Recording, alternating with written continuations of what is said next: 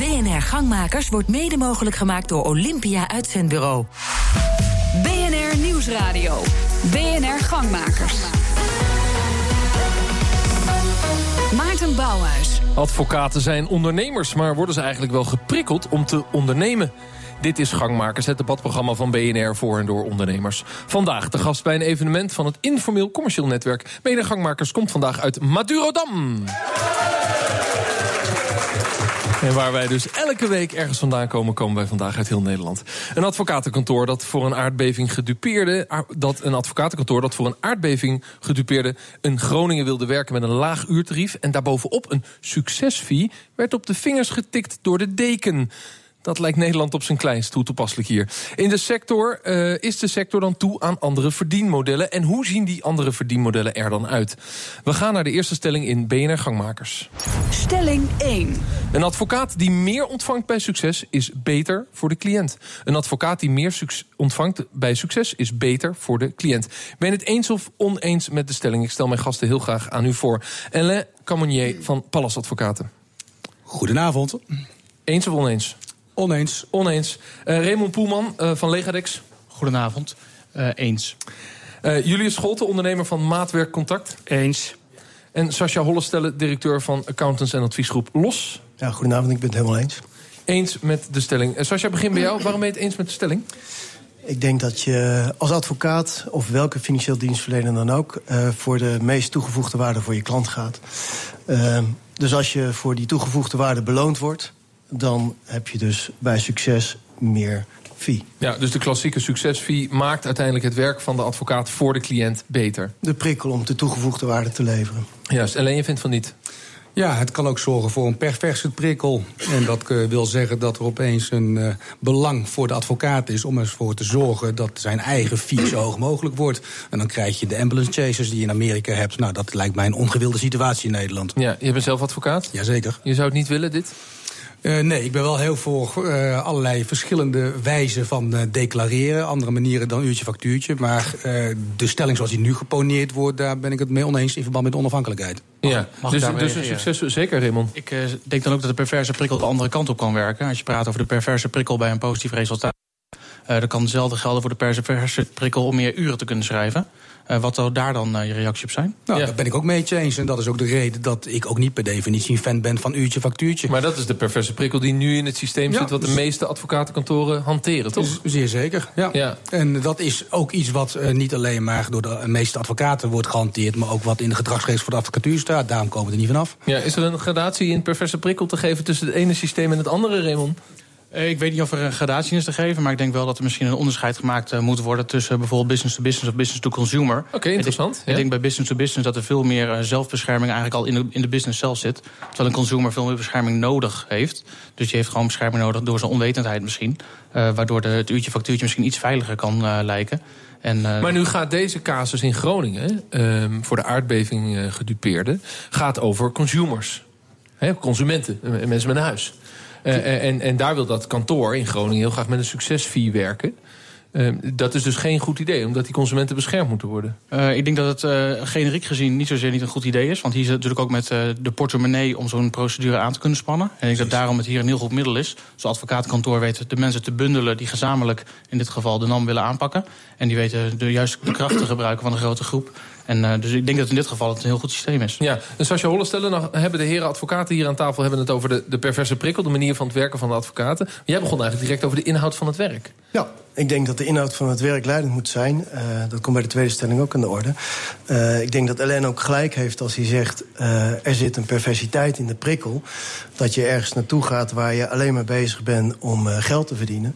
Maar als je echt vanuit de toegevoegde waarde je, je business draait dan zal je altijd afgestraft blijven worden op het moment dat je pervers bezig gaat. Uurtje factuurtje komt uit een tijd waar met een hark geschreven werd. En uh, waar ook geaccepteerd werd dat die hark gehanteerd werd.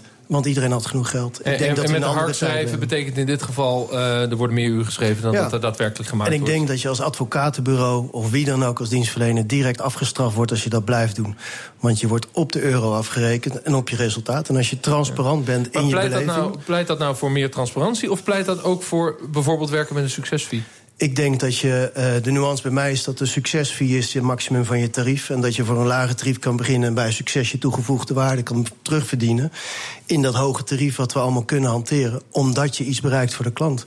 En dan kan je nog steeds als ondernemer denken: heb ik mijn dekking voor elkaar? En dan zijn je uren meer je kostprijs. En dus wordt de advocaat, want daar begon ik over, meer ondernemer als die gaat werken met een succesfee. En dat is ook nog beter voor de cliënt. In jouw Lijkt mij goed. Mag ik daar wat ja. uh, op aanvullen? Zeker, Julius. Um, ik werk dagelijks voor advocaten en uh, notarissen en soms ook voor accountants. En uh, het gaat er heel vaak om uh, van hoe kun je zo aan klanten komen en aan omzet. En om dit, uh, deze mooie stelling in een driehoek samen te vatten, zijn er eigenlijk drie dingen waar al deze mensen, beroepsgroepen, vaak ja, door worden uitgedaagd. Eén, hoe kom je aan klanten? Ja. Twee, um, ik zit bij een klant en wat wil die klant nou? Dan moet je je werk gaan doen en dan moet je betaald worden. En in die driehoek, teken maar een driehoek, daar zit het hele probleem. En, ja, dat is een mooie probleemanalyse. Maar waar leidt het naartoe? Uh, kunnen we dan beter uurtje factuurtje blijven werken? Of zeg je nee, het is goed om ook in sommige gevallen met zo'n succesfee te werken. En dat is geen perverse prikkel. Nou, het, het, mooie is in de stelling dat je natuurlijk... Uh, ik ben natuurlijk ergens ook jurist... Uh, een gulden middenweg kunt vinden.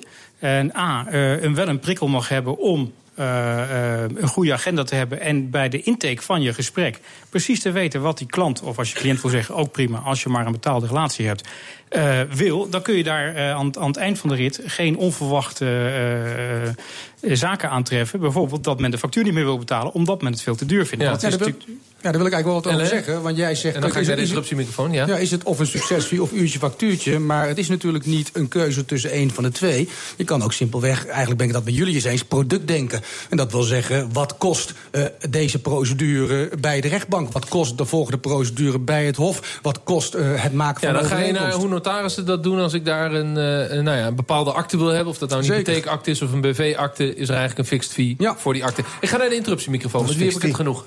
Met uh, Mark van Alven van uh, Alfin. Uh, ja, de vraag is natuurlijk van als je uh, gaat voor een niet uurtje factuurtje, dus op uh, provisiebasis, ga je dan niet voor de quick win als uh, advocaat. Ja, dan hou je, alleen de maximale pak je alleen de makkelijke gevallen. Ja. Waar je snel kunt winnen. Ook, maar ook nou, gewoon snel naar een schikking gaan om snel met minder uren toch meer omzet te halen. Nou, Raymond Poelman, dat is interessant. Dus het zal toch uiteindelijk de procedure die een advocaat gaat doorlopen in een inhoudelijk juridische zaak mogelijk kunnen sturen om snel ergens toe te komen. Maar gelukkig heb je dan altijd nog ook de orde die meerdere dingen regelt. Niet alleen uh, zorgt voor de betaling, maar ook kijkt naar de inhoudelijke behandeling van een dossier. En mocht daar inderdaad blijken dat er dan een verkeerd inhoudelijke behandeling is gedaan, omdat er voor een quick win is gegaan, uh, dan zijn daar uh, mogelijkheden om daar tegen te appelleren. Het risico is natuurlijk wel dat de rechtszoekende niet weet dat het niet goed is gegaan. Ja, maar, maar als het wordt afgerond en de schikking is er en, en er wordt betaald, dan, dan ben jij klaar. Dan heb je je quick win. Toch? Dat klopt. Je hebt je quick win inderdaad als uh, advocaat of als juridisch dienstverlener. Maar misschien dat de rechtszoekende wel benadeeld is. En als hij benadeeld is, dan kan er natuurlijk wel nog een aansprakelijkheid naar de advocaat toe zijn. Ja, dat hij zijn functie niet goed heeft uitgeoefend. Dat is interessant. Tweede interruptie. Met wie heb ik het genoegen? Ja, er staat iemand achter. Ja, zegt u maar.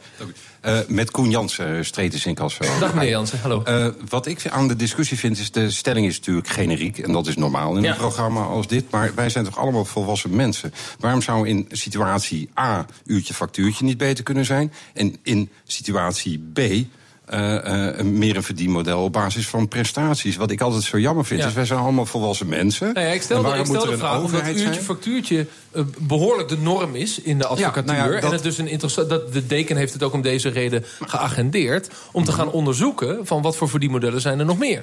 Nou ja, precies. En dat is eigenlijk ook mijn invalshoek. Waarom hebben wij in Nederland met allemaal volwassen mensen, en zeker B2B, maar heel vaak ook privé. Ja, ik moet de luisteraar toch even bevestigen dat hier om ons heen allemaal volwassen mensen staan. Maar ja, ja. reageren. Gaat u door. Ja. De huisjes zijn wat klein, maar de mensen zijn volwassen. Dat is op zich wel een hele bijzondere combinatie. Uh, maar waarom hebben we een, een, een, regelgeving die ons dwingt maar één principe te gebruiken? Dus iedereen de wet voorschrijft. En ik heb daar soms wel eens een beetje moeite mee. Ja, Ellen? Kan ik dat zit, zit, er, ja. zit er een regelgeving in waarin iedereen hetzelfde moet doen? Nee, dat is helemaal niet waar. Nee. Dus je kan inderdaad uh, met, je, met je advocaat vanaf de cliëntzijde afspreken dat je wat anders doet. Ehm, de gemiddelde advocaat is toch wel snel geneigd te, te roepen van ik wil dat uurtje factuurtje. Druk daar terug, zou ik zeggen. Ja, advocatentijd is duur, dus gaan we kort naar de reclame en praten we dan snel weer verder. BNR Nieuwsradio. BNR Gangmakers. Mijn naam is Maarten Bouwhuis. Advocaten zoeken nieuwe verdienmodellen... maar kunnen daarbij rekenen op kritiek van de Orde van Advocaten. Laten we kijken of andere aspecten van het ondernemen... voor advocaten wel worden gestimuleerd. Stel dat een advocaat veel efficiënter zou kunnen werken... door technische snufjes bijvoorbeeld. Dan is hij sneller klaar met een zaak en kan hij misschien minder uren schrijven... of zou je dan weer naar een ander verdienmodel moeten? Oftewel, nieuwe stelling in gangmakers. Stelling 2. Nieuwe verdienmodellen maken de advocatuur efficiënter. Nieuwe verdienmodellen maken de advocatuur efficiënter. Ik stel mijn gasten nogmaals aan u voor. Uh, Ellen Communier van Pallas Advocaten, eens of oneens? Eens. Eens. Raymond Poelman van Legadex? Absoluut eens. Eens. Julius Scholte, ondernemer van Maatwerk Contact? Zeker eens. Eens. Sascha Hollestelle, directeur van accountants en adviesgroep LOS? Oneens. Oneens. Uh, ik begin even bij Elle. Je bent het eens met de stelling. Hoe zou dat dan uh, hoe zou dat moeten? Kunnen we een verdienmodel vastpakken en dan laten zien waarom je met dat ander soort verdienmodel, moeten we hem eerst even uitleggen, je efficiënter gaat werken? Nou, op het moment dat je bijvoorbeeld. Nou, laten we die zaak van de Haan-advocaten nemen. Ja, die willen met een succesfee werken. Ja, met een heel mooi initiatief bij, bij de NAM. Um, dat is iets, iets, wat niet mogelijk is op het moment dat uh, je met het uurtje factuurtje uh, werkt. Want die mensen hebben geen geld, uh, die hebben zware schade. De NAM die gaat procederen tot aan de Hoge Raad, hoop drama. Dus het maakt het mogelijk om die markt in te gaan? Om die markt in maar te gaan. Maar maakt het het werken ook efficiënter? Ik denk het uiteindelijk wel, omdat je uiteindelijk gewoon wel een uh, intrinsieke driver krijgt binnen het advocatenkantoor om er je echt in te zetten voor het werk. Omdat je uiteindelijk een, een nette beloning krijgt. Terwijl als je op uurtje factuurtje weet je dat je halverwege misschien problemen krijgt met de cliënt over de factuur. Maar daar wil dus ik dan wel op reageren. Stellen. Je bent het dat is precies waarom ik oneens ben. Het gaat, niet, uh, het gaat om dat jullie als advocatuur effectiever werk leveren.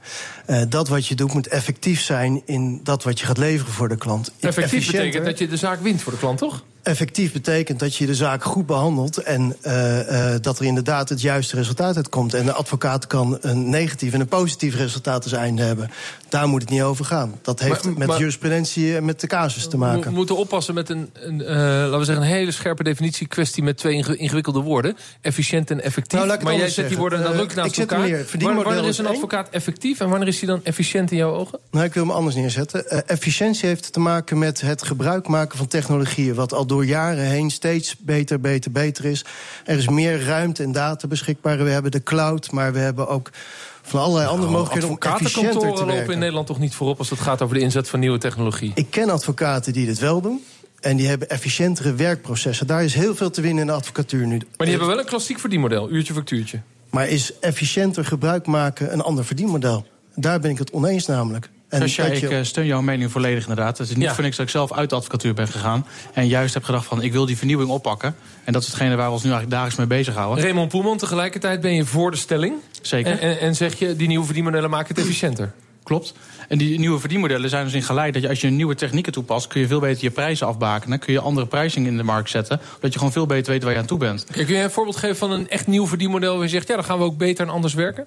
Um, de grote dataonderzoekprojecten is, wordt nu vaak nog bij de grote kantoren uh, eigenlijk gewoon het doorbladeren van alle pagina's gedaan. En dan hangt er vanaf hoe snel ze kunnen doorbladeren, hoe snel ze stof tot zich kunnen nemen. En dat bepaalt dus de rekening. Dat bewijst mijn stelling dat het gemiddelde advocatenkantoor niet erg voorop loopt in nieuwe technologie. Ik wil die, stelling, die stelling ben ik grootens met je eens. Maar wat wij tegenwoordig doen is inzetten van een computer die niet vermoeid raakt. Die als je de juiste instructie geeft, exact de juiste antwoorden eruit spuugt. En dan heb je de hele data-analyse ja. gedaan. Maar wat even, als, IBM, als IBM Watson kan ontwikkelen om te zorgen dat ze artsen kunnen ondersteunen in uh, kankerdiagnose, dan moet het toch ook lukken om advocatenstukken door te lezen met een computer? Absoluut, dat is juist wat ik zeg. Daar zijn we mee bezig. En dat doe je dus? Klopt. En dat maakt het efficiënter? En dus weet je ook welke kosten je van tevoren aan toe bent. En dus maar dan heb je een nieuw verdienmodel nodig. Want als die computer aan het werk is, kan ik geen uren schrijven als advocaat. Nou, het verdienmodel is niet meer de uurtjes opschrijven. Maar het verdienmodel is de kosten van de software die je inzet. Plus dan nog een klein stukje uh, de advies daarop. Nee, maar dat is de kostprijs. Het verdienmodel is dat je de klant begeleidt in het maken van een keuze. In alle informatie die beschikbaar is. En, en dat doen ze nu ook. En dat kan je effectiever inzetten door techniek te gebruiken. En dan wordt je werkproces efficiënter okay. en een lager tarief. Ik ga naar de interruptiemicrofoon wellicht. Uh, daar staat een dame in een prachtige gele jurk bij een gele microfoon. Mevrouw. Hallo. Hallo, wie bent u? Mijn naam is Alet Boddendijk. Ik, heb een, uh, ik ben headhunter. Ja. Uh, werk dus met allerlei verdienmodellen. En ik ben het oneens met de stelling. Juist. Uh, dan moet ik even terug naar de stelling, ook voor de luisteraar. Nieuwe verdienmodellen maken de advocatuur efficiënter. U bent het oneens. Waarom? Omdat ik denk dat de klanttevredenheid en de klantblijheid bepaalt hoe goed jij het doet als bedrijf. En het verdienmodel is daar het gevolg van. Ja, ja, dus je moet, uh, je moet op een andere plek beginnen. Je, moet, je begint erbij, hoe ga ik mijn klanten blij maken? Precies. En, maar, maar daar hangt toch direct een verdienmodel aan? Een manier waarop je met een klant omgaat, dat is toch ook je verdienmodel? Nee, want iedere klant is anders. En ik denk dat als je slim uh, zakelijk dienstverlener bent, of je nou advocaat bent, of headhunter of accountant dan luister je heel goed naar de behoeften van de klant.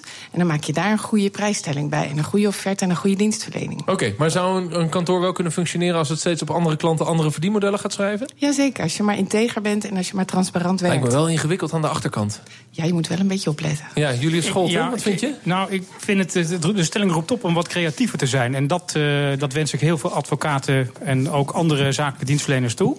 En wat ik recent bij een kantoor heb gezien, dat ze uh, op hun site diverse keuzes stonden voor de klant. De klant mag dus kiezen van A, hoe waarderen we de zaak?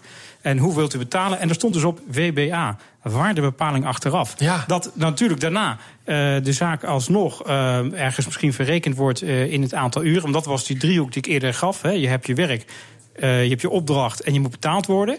Maar dat je het anders uh, communiceert naar je klanten, waardoor je klanten veel tevredener zijn. En ik wil nog even. Maar dat is een jaar of tien geleden een enorme trend geweest. Dat waardebepaling achteraf. Dan gingen mensen allerlei workshops geven. En zeiden ze tegen de mensen: Nou, als u nou na drie uur uit deze workshop komt, dan mag u wel zeggen wat u vond dat het waard is. Ja, en toch, en toch, en toch is het heel erg leuk. Want wat blijkt uh, uit, uit de ervaringen? Dat men vaak meer betaalt dan men verwacht had. Dus dan heb je een hele positieve klant. Hij betalen bijvoorbeeld 20% meer dan je verwacht had. En je hebt geen glazen achteraf. Dat ja heerlijk. En Len Communier, zou het iets voor jou zijn als advocaat? Zeker niet. nee. nee. Dat verdienmodel moeten we maar nee, niet dat, nee, Ik ben helemaal voor uh, verschillende verdienmodellen. En uh, nog even aanhakend op de vorige spreker. Uh, ik denk dat je juist met je verschillende verdienmodellen... de klanten plezier kan doen door het verdienmodel aan de klant te koppelen... wat bij die cliënt Oké, okay, dus je bent het eens met mevrouw de, bij de interruptiemicrofoon... die zei, kijk naar die klant en leg je verdienmodel erop. Juist. Maar mevrouw zei zoals ik het goed heb begrepen, uh, je moet blijven bij dat ene verdienmodel. Maar ik denk dat je juist die verdienmodellen bij de klant moet aanpassen. Maar dat ene verdienmodel wat jullie Scholten uh, nu uh, voorstaat, daar zou ik niet voorstander ja, van zijn. Ze zijn nadrukkelijk dat elke klant van hetzelfde kantoor een ander verdienmodel mag krijgen. Van oh, dan, haar. dan, dan heb je ja, dat verkeerd begrepen. Dan ben ik het helemaal met er eens. Ja, ja en toen zei ik dat, dat is aan de achterkant wel ingewikkeld. Dat is aan de achterkant wel ingewikkeld. Ik ga naar de interruptiemicrofoon. Nee, met wie heb ik het genoegen? Goedendag, Murk Vlietstra van Van Bentem en Keulen, advocaat en notariaat. U bent advocaat? Ja, nee, nou. ben ik niet. Ik ben oh. marketingmanager. U bent marketingmanager. Nou, marketeers, daar heeft de wereld er een hele hoop van. Ja, maar deze maakt de wereld ook mooier. Niet genoeg. Ja, precies. Um, ik denk dat het met name gaat om de motivatie van de klant. Want waarom wil hij een succesfee? Want in principe moet zijn advocaat toch al uh, alles doen voor hem... en het beste voor hem doen. Dus daar zit geen additionele meerwaarde meer in. Behalve als hij niet fiducie heeft dat die, dat die advocaat alles voor hem doet. Dan dus als marketeer pleit u bij de partners voor een succesfee-model? Uh, nee, niet per, nee, niet per definitie, want dat is niet nodig. Onze advocaten lopen al heel hard voor die klant. Dus waarom moet je dan nog een succesfee ja, Dat is echt marketing. Als er een, als er ja. als er een budgettaire reden aan zit... Een, dat een, een general counsel budgetzekerheid vooraf wil hebben... of we vinden het risico te groot om full-fledged in de zaak te gaan kan hij inderdaad wel kiezen voor een ja. succesfee. Maar, maar het gaat, ik begrijp het allemaal, maar het gaat er allemaal om over efficiënt werken. Kijk, de wereld zit vol met start-ups en allemaal slimme bedrijven... die de wereld veel efficiënter kunnen maken... en misschien ook wel effectiever daardoor. Ja. En dan vragen we ons af... welke innovatie in het verdienmodel moeten advocatenkantoren door... om daarin mee te gaan? Ik heb één voorbeeld gekregen. Nou, we kunnen een computer stukken laten zijn, lezen. zijn inderdaad legio. Er zijn natuurlijk legio manieren om een alternative fee arrangement te doen. Hè? Dus een aparte prijsafspraak. Ja. Sinds uh, 2013 hebben wij het van dienstconcept geïntroduceerd... en doen wij al een vaste prijs vooraf, per definitie. Dus iedereen kan een vaste prijs krijgen voor alles wat hij aanvraagt. En, en als er dan meer kosten worden gemaakt? Ja, een vaste prijs is een vaste prijs. Ja, precies. En, en daarmee sturen jullie op efficiëntie? Ja. Uh, en op het moment dat een medewerker dan over zijn uren gaat... elke keer in die opdracht, dan is het het einde van zijn dienstverband? Uh, nee, niet per definitie, want hij heeft er heel veel van geleerd... en de klant is er heel blij mee. En de klant vertelt het daardoor aan elf andere mensen. Juist. Ik Sascha Holle stellen. Nou, de, binnen Kijk, er zijn even twee aspecten waar ik op in wil gaan. Eén is, wat is de advocatuur in de toekomst? Want ja. dat is eigenlijk het interessante van deze discussie. Over, ja, precies. Uh, je hebt het over een beroepsorganisatie. Uh, mensen die verdienmodellen tegenhouden. En dat is bij het notariaat aan de hand. En, nou, noem maar nog maar een paar beroepsorganisaties. We zouden wat vrijheid moeten vinden om die verdienmodellen te laten ontstaan... in plaats van hier te verzinnen wat het beste is. Die vrijheid wordt niet gegeven. Dus daar pleit ik voor dat dat in de hele beroepsorganisatie gewoon geregeld wordt. Uh, twee, je kan met een fixed fee werken. Ik heb fiscaal juristen, ook juristen in dienst. Klanten vragen, ik heb een internationale klant... ik heb het vanochtend over gehad met iemand... kunnen wij een fixed fee krijgen? Dan zeg ik, nou, goed plan. Uh, maar er zit ook maatwerk in. We hebben ook jurisprudentie. Uh, de casus is afhankelijk, et cetera, et cetera. Welke richting gaan we op? En dan zeg ik tegen die medewerker, wat kunnen we dan doen? het gaat wel tot efficiënter werken leiden. Want ik zeg, oké, prima, maar kan jij ervoor instaan... dat je tot het juiste resultaat voor die klant komt... in de tijd die wij samen gaan bespreken?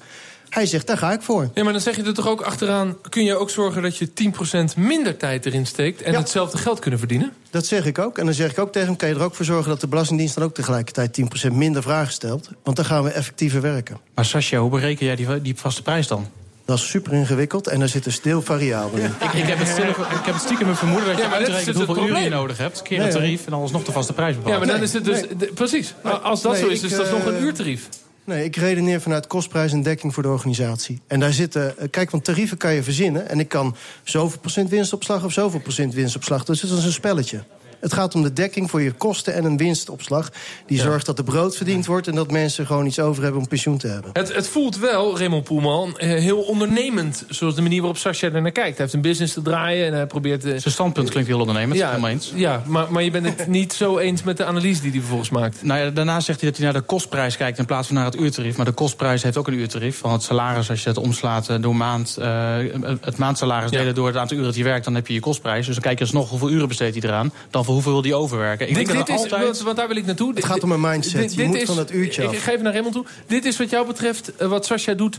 nog niet de transitie die jij zou willen maken vanuit Legadex... met, met het echt innoveren van, van dit soort dienstverlenende beroepen. Nee, ik denk dat je dan toch terugkomt bij de, de toegevoegde waarde. Daar werd het net een klein beetje kritisch eh, bejegend. Maar die toegevoegde waarde is denk ik het belangrijkste voor de klant. En dat moet, eh, daar moet een prijsje aan gehangen worden. Soms kan het zijn dat je met één uur eh 20.000 euro kunt verdienen. Soms heb je er 10 uur voor nodig. Het gaat erom waar de klant beter van wordt. Ja, Ik- ik we zijn in de laatste drie minuten van de uitzending. Ik kijk ook naar mijn publiek hier in Madurodam... of er nog advocaten zijn die eh, zich moeten roeren... zoals u dat ook in de rechtbank doet. Er stappen direct vijf mensen naar voren. Dat is mooi. Kijk eens, meneer... Ik ga graag met je in eh, gesprek. want we we, we wilden niemand missen. Ik had het al gezegd, uitzendingen vliegen voorbij. Zegt u maar, met wie heb ik het genoegen? Ja, goedenavond met Karel Erasmus van de Advocaten van Oranje. Hallo, de advocaten van Oranje. Wauw, dat is mooi in Den Haag. Ja. Eh, ehm, ja, wat, wat denkt u? Nieuwe verdienmodel, wat voor verdienmodel heeft u? Eh, nou, ik werk al jaren met eh, abonnementen. Dus bedrijven kunnen abonnement nemen. En nog kunnen ze onbeperkt Mooi. juridisch advies krijgen. Oké, dus vooral op het B2B. uurtarief. Heeft u ook eh, eh, Ja, consumenten, want- nee, dat, burgersklanten? puur, dat is puur voor business to business. Ja, ja. Dat zou niet werken voor particulieren.